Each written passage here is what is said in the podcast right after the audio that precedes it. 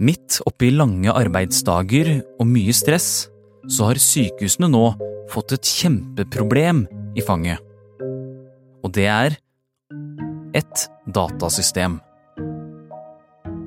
For det som har fått navnet Helseplattformen, kalles nå den største katastrofen som har rammet Helse Midt-Norge, og det er inkludert pandemi. Og av noen leger blir den til og med kalt Helvetesplattformen. Hvordan gikk det så galt, egentlig? Dette er historien om en av USAs rikeste kvinner, og hvordan systemet hennes skapte fullstendig kaos i norsk helsevesen. Du hører på Forklart fra Aftenposten, og jeg heter Philip A. Johannesborg, og i dag er det fredag 21. april.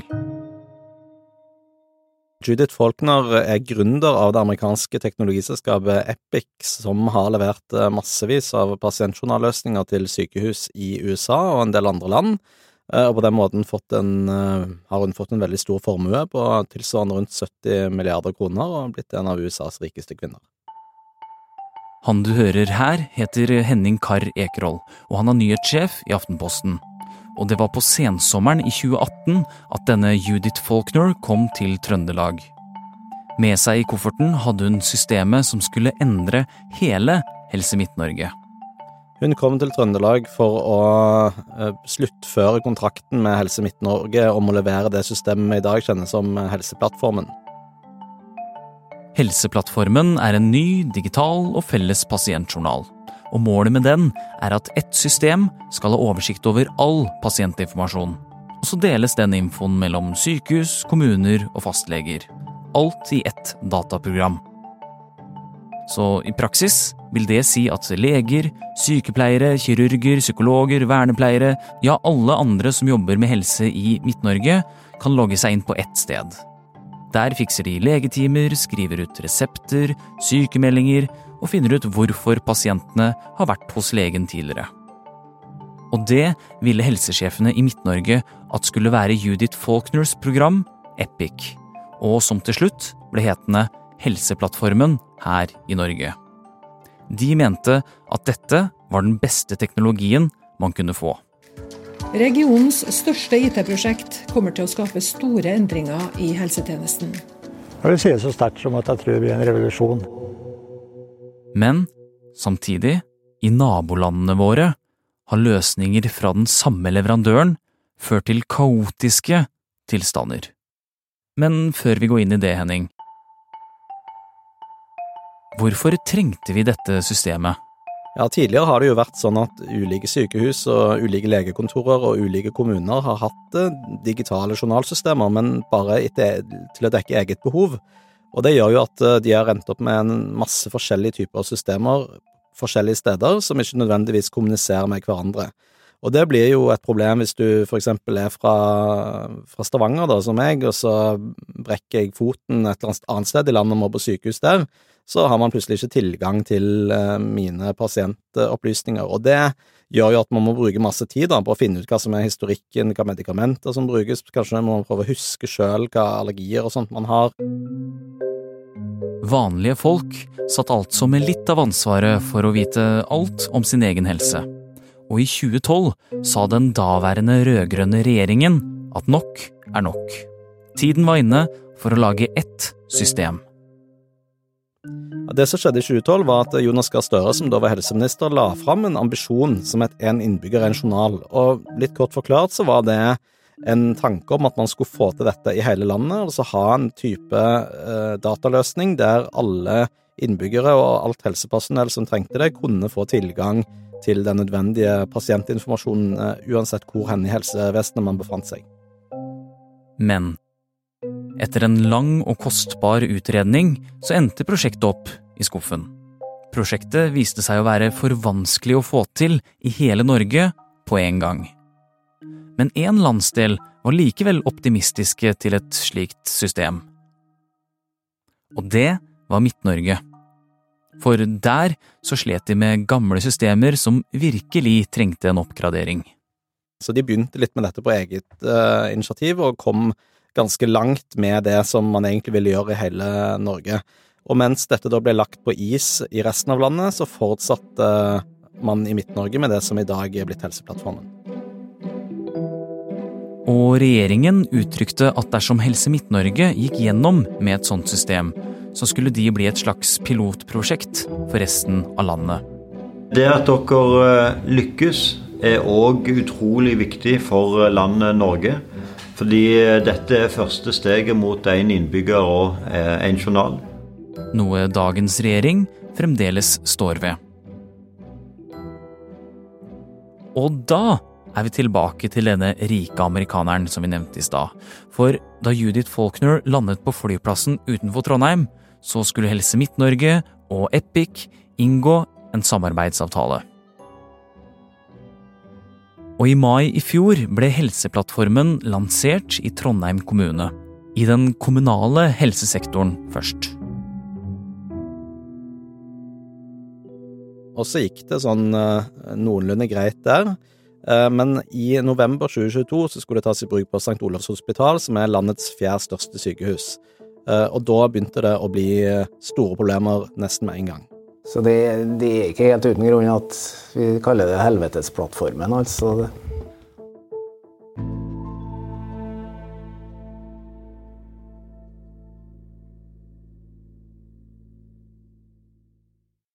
Henning Kar Ekerhold, ta oss gjennom det her. Hva slags problemer var det helseansatte møtte med den nye helseplattformen? Ja, dette kan deles opp i litt forskjellige eh, sider, men én ting var jo at det var masse tekniske feil som gjorde at ting rett og slett ikke fungerte som det skal. Det innebar f.eks. at røntgenbilder og informasjon om det ikke kom fram til riktige personer, SMS-er om innkallinger til timer ble feilsendt, Masse elektroniske brev som skulle frem til pasienter eller fastleger, ble borte. Uh, og så er det òg gjennomgående misnøye med at dette systemet er veldig kronglete og tungvint å bruke. Alle har jo vært borti datasystemer som er litt sånn hvordan dette var forvirrende, hva skal jeg trykke på? Uh, dette virket å være ganske gjennomgående uh, for brukerne av Helseplattformen, at de forstår ikke helt hvordan det skal brukes, så det er veldig vanskelig og krevende opplæringsprosesser for å på en måte få det til, da. Enkle ting som å legge inn en legetime er en langsom prosess, og bare det å bytte over til sommertid er tidkrevende og vanskelig. Det er jo alltid barnesykdommer med nye systemer, det kan du sikkert selv kjenne deg igjen i.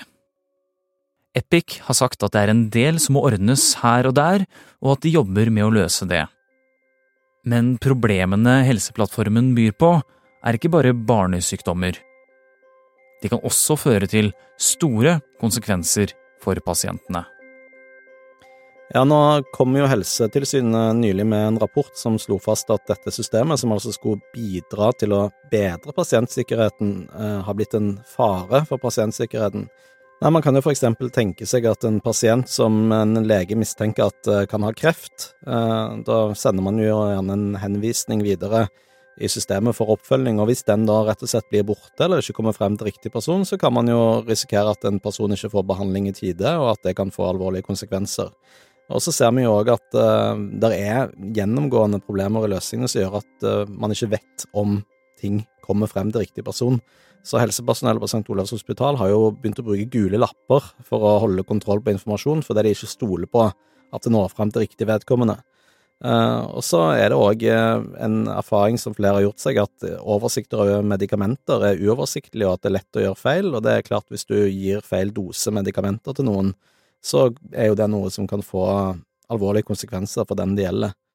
Men hvis dette systemet kan føre til så alvorlige ting som dødsfall, da i verste fall, kan man ikke bare gå tilbake til det gamle systemet? Det er jo mange leger eh, som har sagt at de ønsker at man går tilbake til det systemet som man kaller DocuLive, som er fra rundt årtusenskiftet. Eh, men der er det igjen en del, eh, ifølge ledelsen i Helse Midt-Norge og ved St. Olavs hospital, en del utfordringer med å gjøre det. Fordi at man har nå lagt så til rette for å innføre dette systemet at det får en del følgekonsekvenser som er veldig krevende. Det er ikke bare Helse Midt-Norge som bruker Epic-systemet i verden. Sykehus i både Finland og Danmark har sine egne versjoner av Helseplattformen. Og faktisk så frarådet naboene våre oss mot å bruke det. Det hadde nemlig ført med seg en del problemer der borte også. Og dette var før man gikk inn for å bruke Epic og Helseplattformen i Midt-Norge. Derfor var det mange helseansatte i Trøndelag som møtte opp til fakkeltog i fjor, bare noen uker før Helseplattformen skulle innføres på landets fjerde største sykehus, St. Olavs hospital. Vi vil vise at vi er mange som er bekymra. Eh, og vi vil vise at vi er flere profesjoner som står i hop om denne bekymringa. Men likevel, 3,8 milliarder kroner senere, så bruker St. Olavs hospital og resten av helsesektoren i Midt-Norge denne helseplattformen. Til tross for advarsler fra nabolandene, og til tross for sinte ansatte. Henning, hvorfor bruker de nå Helseplattformen? Ja, Det er egentlig et spørsmål som fremdeles ikke er fullt ut helt eh, besvart. Men eh, det Helseplattformen har gitt uttrykk for sjøl, er at de mente de hadde gjort eh, ganske gode erfaringer fra de feilene som ble gjort i, i Danmark og Finland, og at de da hadde tatt høyde for at dette ville være krevende, og lagd planer som, som, de mente skulle gjøre det håndterlig. Og så viste det seg da at det, det ikke var tilstrekkelig. Epic, som er det amerikanske selskapet bak Helseplattformen, har enn så lenge ikke svart direkte på kritikken de har fått. Men de har erkjent at det er en del ting som må jobbes videre med, og at de jobber fortløpende med, med Helseplattformen for å løse, løse, dette. Epic har jo en del eksperter i Norge. Eh, Helseplattformen AS har jo 300 ansatte som jobber nå med å, å tilpasse dette systemet for brukerne i Midt-Norge, sammen med, med Epics ansatte. Hva kommer til å skje videre med Helseplattformen nå, da? Nei, der er det mange ubesvarte spørsmål. Det er jo allerede eh, kraftig forsinka sammenlignet med de eh, planene man hadde for noen år siden. Eh, så var det jo planlagt at det skulle tas i bruk på ulike sykehus i resten av Midt-Norge nå fra våren av, men det har blitt utsatt til høsten. Det er mulig at det blir utsatt ytterligere. Så det kommer til å bli noen spennende uker fremover for å se hva som blir veien videre for dette enorme prosjektet. Men hvis det fungerer så dårlig som de ansatte i helsesektoren mener, hva kan de gjøre da? Nei, det er vel egentlig ikke så veldig mye man kan gjøre, annet enn å prøve å tilpasse seg eh, så godt som mulig. Eh, Helse Midt-Norge har jo vært veldig tydelig på at dette har kommet for å bli, eh, og at de ansatte bare må innfinne seg med at dette, det, det som finnes av problemer, må man bare prøve å løse på beste måte. Ja, Nå sier jo Helseplattformen at de fortløpende jobber med feilretting og, og på en måte tilpasser systemet på en måte som gjør at det blir mer uh, brukervennlig. Så håpet er jo at det på sikt skal eh, kunne fungere bedre enn det gjør i dag. Og uh, det har jo òg Helse Midt-Norge vært helt tydelig på at dette skal innføres. Så det må det jo nesten, det må nesten bli bedre hvis det, det skal kunne fungere sånn som man har planlagt.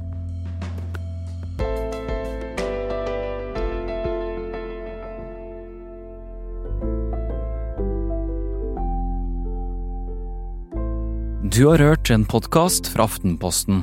Det var Henning Karr Ekerhold som tok deg gjennom den nye Helseplattformen og alle utfordringene der. Lyden du har hørt, er hentet fra NRK og fra Helseplattformens konto på YouTube. Denne episoden er laget av produsent Jenny Førland og Olav Eggesvik og meg, Philip A. Johannesborg. Resten av Forklart er Synne Søhol og Anders Weberg. Takk for at du lytter til Forklart fra Aftenposten.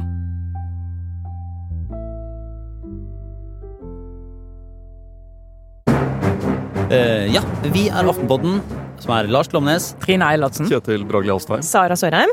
Og hver uke så tar vi for oss det siste, eller i hvert fall det mest spennende, i norsk politikk og samfunnsdebatt. Ja, se, vi har holdt på faktisk siden 2015 vi, å henge oss opp i ting i norsk politikk som ikke Det er ikke alltid det, er det viktigste, men det er det som pirrer oss mest, og det vi syns er både gøy og interessant å snakke om og ikke minst litt rart. Absolutt. Altså, jeg er jo ny her, jeg har bare vært på prøve nå i snart tre år, så, så jeg, men, men, veldig artig å være med. Aftenpoddens vesentlighetskriterium, det mener jeg er utgangspunktet for liksom alle gode samtaler. Og ting kan være viktig, men det må være gøy. Du kan høre oss hver uke hos Podme eller i Aftenposten-appen.